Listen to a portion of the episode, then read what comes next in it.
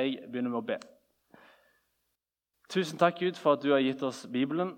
Eh, takk for at det ikke er ei vanlig bok, men ei levende bok, ditt ord. Hjelp oss nå, Gud, til å lytte til ditt ord med hode og hjerte. Hjelp oss til å lytte til ditt ord med vilje om at det skal bety noe for oss. Vi ønsker deg velkommen for at du kan tale til oss gjennom ordet. Amen. Så la oss reise oss og så lese evangelieteksten, som står i Matteus. Dere skal ikke samle skatter på jorden, hvor møll og mark ødelegger, og hvor tyver bryter inn og stjeler. Men dere skal samle skatter i himmelen, der verken møll eller mark ødelegger, og tyver ikke bryter inn og stjeler. For der skatten din er, vil også hjertet ditt være. Øyet er kroppens lampe. Om øyet ditt er klart, er det fordi kroppen er fullt av lys. Men om øyet ditt er sykt, er det fordi kroppen er fullt av mørke. Er nå lyset i deg mørke, hvor dypt blir ikke da mørket? Ingen kan tjene to herrer. Han vil hate den ene og elske den andre, eller holde seg til den ene og forakte den andre. Dere kan ikke tjene både Gud og mammon. Amen. Skal, skal ikke. Skal, skal ikke. Det er kanskje noe som folk assosierer med et kjent underholdningsprogram som var på NRK på 90-tallet. Eller som en del av eh, et barne-TV-program som jeg så da jeg var liten, som heter Skrimmelskrammel. Eller om du assosierer skal, skal ikke med en sånn blomst som du river av ett og ett blad, og så tenker du skal, skal ikke. Elske, elske ikke. Eller om du bare står overfor et valg. Skal jeg gjøre det, eller skal jeg ikke gjøre det? Valg, livet, eh, valg som vi tar i livet, det har konsekvenser. Noen små og andre større. Om det er å velge hvem man skal leke med etter skoletid, eller om det er hva slags studie eller jobb man skal ta, eh, eller om eller eventuelt hvem man skal gifte seg med, om man skal få barn eller videre, så er jo disse mange valg som vil få en eller annen form for virkning i livet vårt. For eksempel så eh, gifta jeg meg for 15 dager siden. og Det er jo kanskje det største valget jeg har tatt, tatt, i hele livet mitt. Og det får jo ganske store konsekvenser for de neste dagene. Og egentlig resten av dagene i hele mitt liv. Eh, ja. Da Jesus møtte Peter, eh, Andreas og de andre disiplene, så så de òg overfor et valg. Og de valgte å følge han. Og det gjorde at de fikk, sto, det fikk store konsekvenser for livene deres. For I starten av tida sammen med Jesus så dro disiplene og han rundt, og Jesus talte, helbreda, besøkte og hadde måltid til ulike mennesker. Og En dag så tok eh, Jesus disiplene til sides for at han ville tale til de. Eh, utenfor det som i dag heter Genesaret, så holdt Jesus en læretale til disiplene. Innholdet ble nok fortalt eh, flere ganger i ulike situasjoner. og I evangeliet til Lukas kan vi lese om at det, ble, samme ble sagt på litt forskjellige plasser i litt ulik rekkefølge. Og Vi la oss jo for det Matteus har skrevet der. Og Denne talen som strekker seg over tre kapittel, kan på en måte ha overskriften Vi er blitt kristne. Hvordan skal vi leve? Og Her kommer vi egentlig tilbake igjen til dette uttrykket jeg starta med. Skal, skal ikke. Skal, skal ikke. Fordi I kapittel 6 så begynner Jesus. Når dere gir, skal dere ikke. Når dere ber, skal dere ikke. Når dere ber, skal dere Og her kommer jo bl.a. Fader vår inn. Eh, etterpå så er det dersom dere tilgir, skal. Dersom dere ikke tilgir, skal dere ikke. Når dere faster, skal dere ikke. Når dere faster, skal dere. Så her holder han jo på med det samme som skal, skal ikke, skal, skal ikke. Dere skal. Og så kommer han til det siste, som vi nettopp las. Dere skal ikke samle skatter på jorden, men dere skal samle skatter i himmelen. Så her instruerer, eh, her instruerer Jesus disiplene på hvordan de skal leve livet sitt. Eh, dere skal gjøre ting sånn, dere skal ikke gjøre ting sånn. Men Hvis jeg hadde vært en disippel som, hadde, eh, satt, som så der og hørte på, så ville jeg kanskje kommet med et oppfølgingsspørsmål til Jesus. hvis jeg hadde fått mulighet. Så hadde jeg spurt, da tror jeg jeg hadde spurt han sånn Hvordan er det jeg samler skatter i himmelen? Hvordan kan jeg stoppe å samle skatter på jorda? Og hva slags skatter snakker du egentlig om Jesus? Da jeg var eh, liten, så likte jeg veldig godt å samle på ting. Eh, om det var steiner, eller om det var suvenirer, eller Lego eller en periode kvitteringer, så syntes jeg det var veldig kjekt å samle på masse forskjellig. Og jeg syns det er veldig gøy i dag. Ikke de samme tingene nødvendigvis. Eh, og Jeg vet ikke hva du ligger og samler på, om det er kvitteringer eller steiner eller bøker. eller... Nei, Det får du eh, finne ut av sjøl. Men eh, hva er egentlig å samle på skatter, da? Eh, hva er det? Eh, en, definisjon, en, definisjon på hva en skatt er, som jeg likte veldig godt, var denne her. En skatt er en overflod av noe som i seg selv, i det minste etter vår egen mening, er dyrebart og verdifullt, og som sannsynligvis vil være til nytte for oss i framtida. Etter denne definisjonen så kan, en være, eh, så kan en mobil være en skatt på denne jorda. Det betyr jo noe for oss. altså Mobilen min her, den betyr jo noe for meg, og den kommer, kan komme meg til nytte. Men disiplene visste jo ikke hva en mobil var. Hva var, liksom, hva var deres skatter for 2000 år siden? Hvis vi ser på den eh, kulturelle konteksten, så eh, kan vi se at de brukte enormt veldig mye mynter eh, i Bibelen. Og I tillegg så involverte denne tradisjonen delvis ganske mange eh, delvis dyre og verdifulle klær. Og Det er nettopp derfor vi kan lese videre at han sier dere skal ikke samle skatter på jorden hvor møll og mark ødelegger.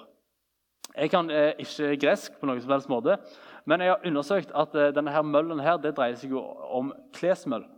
Og Det er en type møll som ifølge FHI er det insekt i Norge som gjør størst skade på tekstiler. Og så har du òg mark, hvor møll og mark ødelegger. Og der har jeg funnet forskjellige ord. Eh, I tidligere oversettelse så står det rust, og i den engelske NIV så står det 'vermin', og det betyr skadedyr. Eh, og mark jo, og skadedyr er jo òg noe som eh, spiser noe eller ødelegger noe.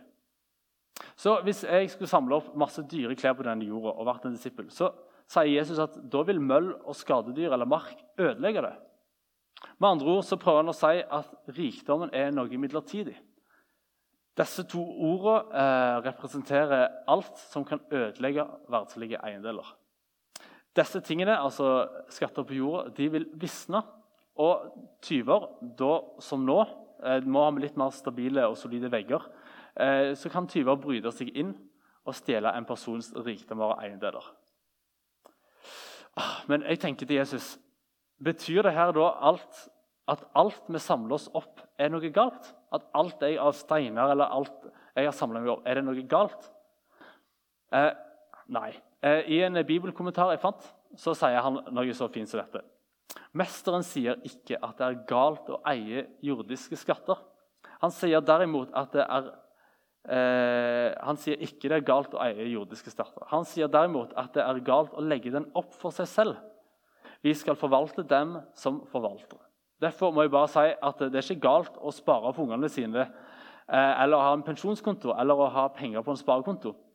Men det handler mer om noe vi samler oss opp, altså at når vi samler oss opp noen ting i denne verdenen, og så lar vi det være Herren vår.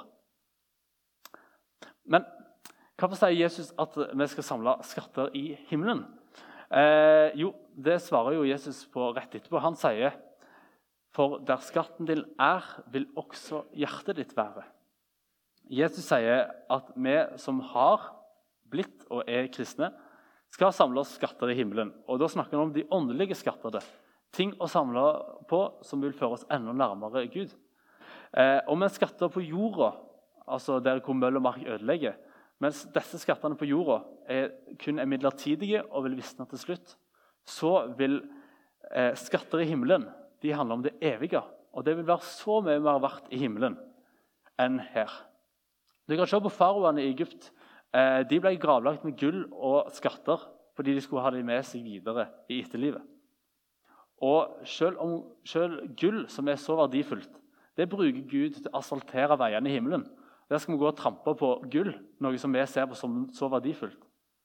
Og Paulus han skriver om noe av det samme i Kolosserne. Han, nevner, han skriver til dem at det, la sinnet være vendt mot det som er der oppe ikke mot det som er på jorden. Ok, Så Jesus sier dette til oss fordi hvis vi samler skatter i himmelen, så vil hjertet vårt være vendt mot himmelen. I tillegg til å nevne kroppsdelen hjertet, så nevner Jesus til disiplene den andre kroppsdelen, som er øya. Og her, her, her nevner han tydelig øya er kroppens lampe. Om øyet vårt er klart, eller en annen plass står det sjenerøst, så er det fordi kroppen og her kan vi også legge inn hjertet, er fullt av lys. Når kroppen er fullt av mørke og vi samler skatter på jorda, vil øyet vårt bli sykt.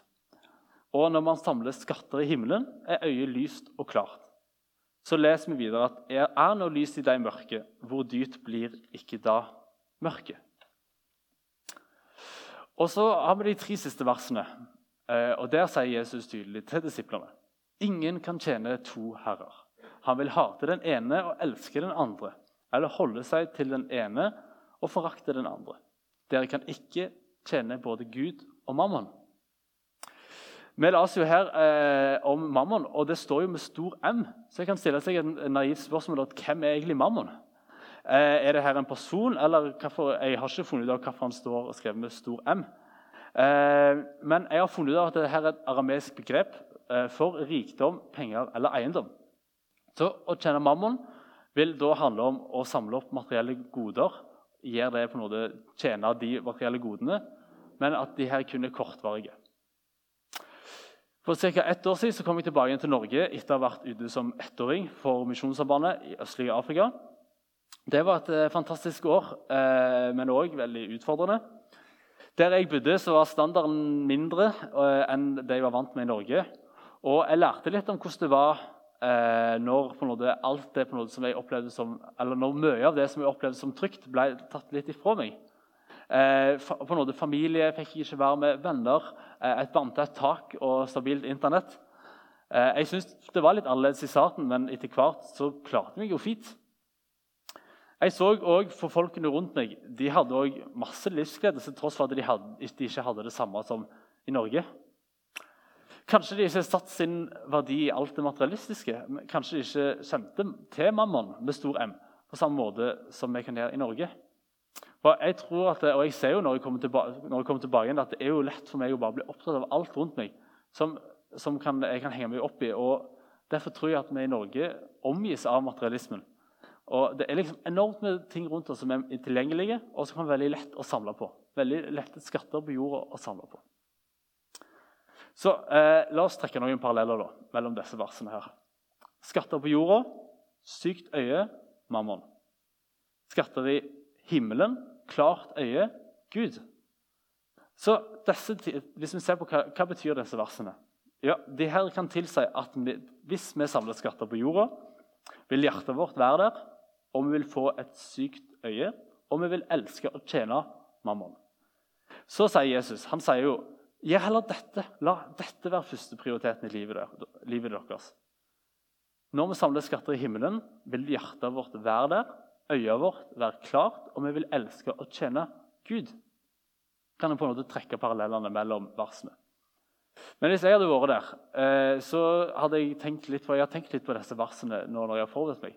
Og Hvis jeg hadde vært der og kunne spurt Jesus det direkte, så hadde jeg sagt det her til, her til Jesus. Jeg hadde spurt han om det. Men Jesus Jeg får ikke dette til. Jeg får ikke dette til, Jesus. Jeg som kristen vil følge deg. Jeg har lyst til å samle skatter i himmelen. Jeg har lyst til å ha et klart øye og elske å kjenne deg. Jeg prøver, men feiler. Og jeg kan på måte til tider prioritere mannen. Du instruerte disiplene, og du instruerer oss fordi du elsker oss. Du sier 'skal, skal ikke', 'skal, skal ikke' fordi du vil det beste for oss. Du liksom vil jo gi oss noe mer men jeg får det fortsatt ikke til Jesus.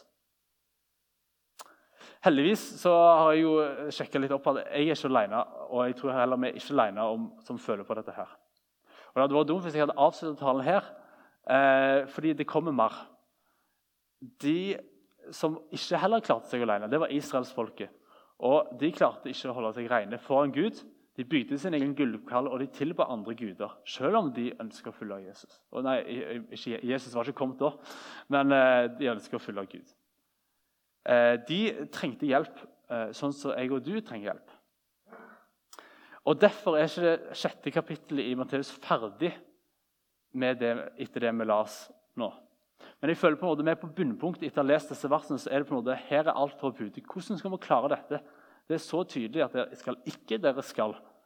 Eh, og så, Han gir på en måte bare, han sier det rett ut, og sånn er det. Og I filmens verden kan du på en måte kalle dette 'point of no return'. Hvordan skal vi få til dette, Jesus? Hør her. Dette sier Jesus til disiplene, og han sier det også til oss rett etter det her. Han sier derfor sier jeg dere. Han oppsummerer alle skal, skal ikke, skal, skal ikke med å si derfor sier jeg dere. Vær ikke bekymret for livet, hva dere skal spise eller hva dere skal drikke. Heller ikke for kroppen, hva dere skal kle dere med. Er ikke livet mer enn maten og kroppen mer enn klærne? Så gir han eksempler og argumenterer mot bekymring. Han sier, 'Se på fuglene under himmelen.' De sår ikke, de høster ikke og samler ikke i hus. Men den far dere har i himmelen, vil gi dem føde, gir dem føde likevel. Er ikke dere mer verdt enn de? Hvem av dere kan vel med all sin bekymring legge en eneste alen på sin livslengde? Og hvorfor er dere bekymret for klærne? Se på liljene på marken, hvordan de vokser. De strever ikke og spinner ikke. Men jeg sier dere, selv ikke Salomo i all sin prakt var kledd som en av dem. Når Gud kler gresset på marken så fint, det som gror i dag, og kastes i ovnen i morgen, hvor mye mer skal han ikke da kle dere, dere lite troende? Så snakker Jesus om en Gud som vet hva vi trenger. Jesus sier til oss, så gjør dere ikke bekymringer. Og ikke si 'hva skal vi spise', eller 'hva skal vi drikke', eller 'hva skal vi kle oss med'? Alt dette er hedningene opptatt av. Men den far dere har i himmelen, vet jo dere trenger alt dette. Som andre ord så sier Jesus at vi har en Gud som vil fikse de eh, materielle godene. De fikser våre nødvendigheter. Og Da summerer han det opp med å si at vi, han skal ta seg av disse tingene. Han sier, 'Søk først Guds rike og hans rettferdighet, så skal dere få alt det andre i tillegg så gjør dere ingen bekymringer for morgendagen. Morgendagen skal bekymre seg for seg selv. Hver dag har nok med sin egen plage. Pga. vår eh, syndige natur så vil vi aldri klare å strekke helt til. Vi vil aldri klare å gjøre alt rett. Vi vil aldri bli helt perfekte. Og det er kun én person som har fått det til, og det var Gud sjøl da han ble menneske. Og Når jeg liksom tenker på disse versene, så er det dette jeg må klamre meg til. Søk først Guds rike og hans rettferdighet, så skal dere få alt det andre i tillegg. For jeg trenger Gud, og vi alle trenger Gud. Det vil alltid vel være en kamp mellom å tjene Gud og mammon. Og det er nettopp her òg vi trenger Gud. Til slutt så vil jeg illustrere på en måte dette med et bilde som jeg fikk. Eh, som kan illustrere litt for at du står start, på starten av en liten bekk. Og den er så liten at det en god plass mellom beinene, så du begynner å skal gå denne turen med at du har hver, eh, ett bein på hver side av bekken. Eh, etter hvert så går, så blir bekken litt og litt større, men du klarer fortsatt å gå, eh, å gå sånn med bekken mellom deg. Og, men etter hvert du vil jo liksom finne ut hva som er enden av bekken. Så går du med bekken mellom deg, og bekken blir større plutselig. Og plutselig blir det litt vanskelig å holde balansen. Og bekken er plutselig nå blitt våt og iskald. Du går og går, du går framover, det blir vanskelig og vanskelig å holde balansen. Og til slutt så faller du og detter i bekken. Og Sånn tror jeg det kan være. På den ene sida av bakken, så ene bakken så har du Gud, og på den andre så har du mammon. Og Vi kan gå gjennom det kristne livet. Vi kan det med beina på hver side. Etter hvert så går vi videre i livet, og eh, Det blir vanskeligere og vanskeligere å holde, mellom å holde balansen mellom å tjene to herrer, Gud og mammon, altså de materielle eh, penger. Og, ja. Men Gud ville jo ikke at vi skulle dette inn i den våte og kalde bekken. Nei, vi som kristne har fått Hvis vi skal gå gjennom livet som vi har bekken mellom oss, så har vi fått Gud som holder oss i hånda gjennom hele livet. Og Han lener oss mot den sida hvor hans bakke og hans fundament er. Vi får hjelp, vi får, har fått Den hellige ånd, bønnens ånd, kjør, eh, Bibelen, kirka og hverandre. Og nettopp disse er skatter i himmelen som har evighetsverdi. Fordi vi har jo startet, med, Som jeg sa, så starta vi på hver side av bekken. Pga. vår synd så vil vi alltid ha litt av vekta på mammonsida. Vi klarer ikke helt å slippe tak. Så Derfor vil Gud lene oss, men vi vil fortsatt ha en bit av, av mammonsida. Vi vil alltid ha en bit av synden vår i oss. Men den gangen, når alt, når alt kommer til alt, og bekken blir for store, så vil Gud dra, dra, seg, dra, oss til seg. Fordi han elsker deg, og han elsker alle mennesker. Så eh, skal skal ikke. Skal skal ikke.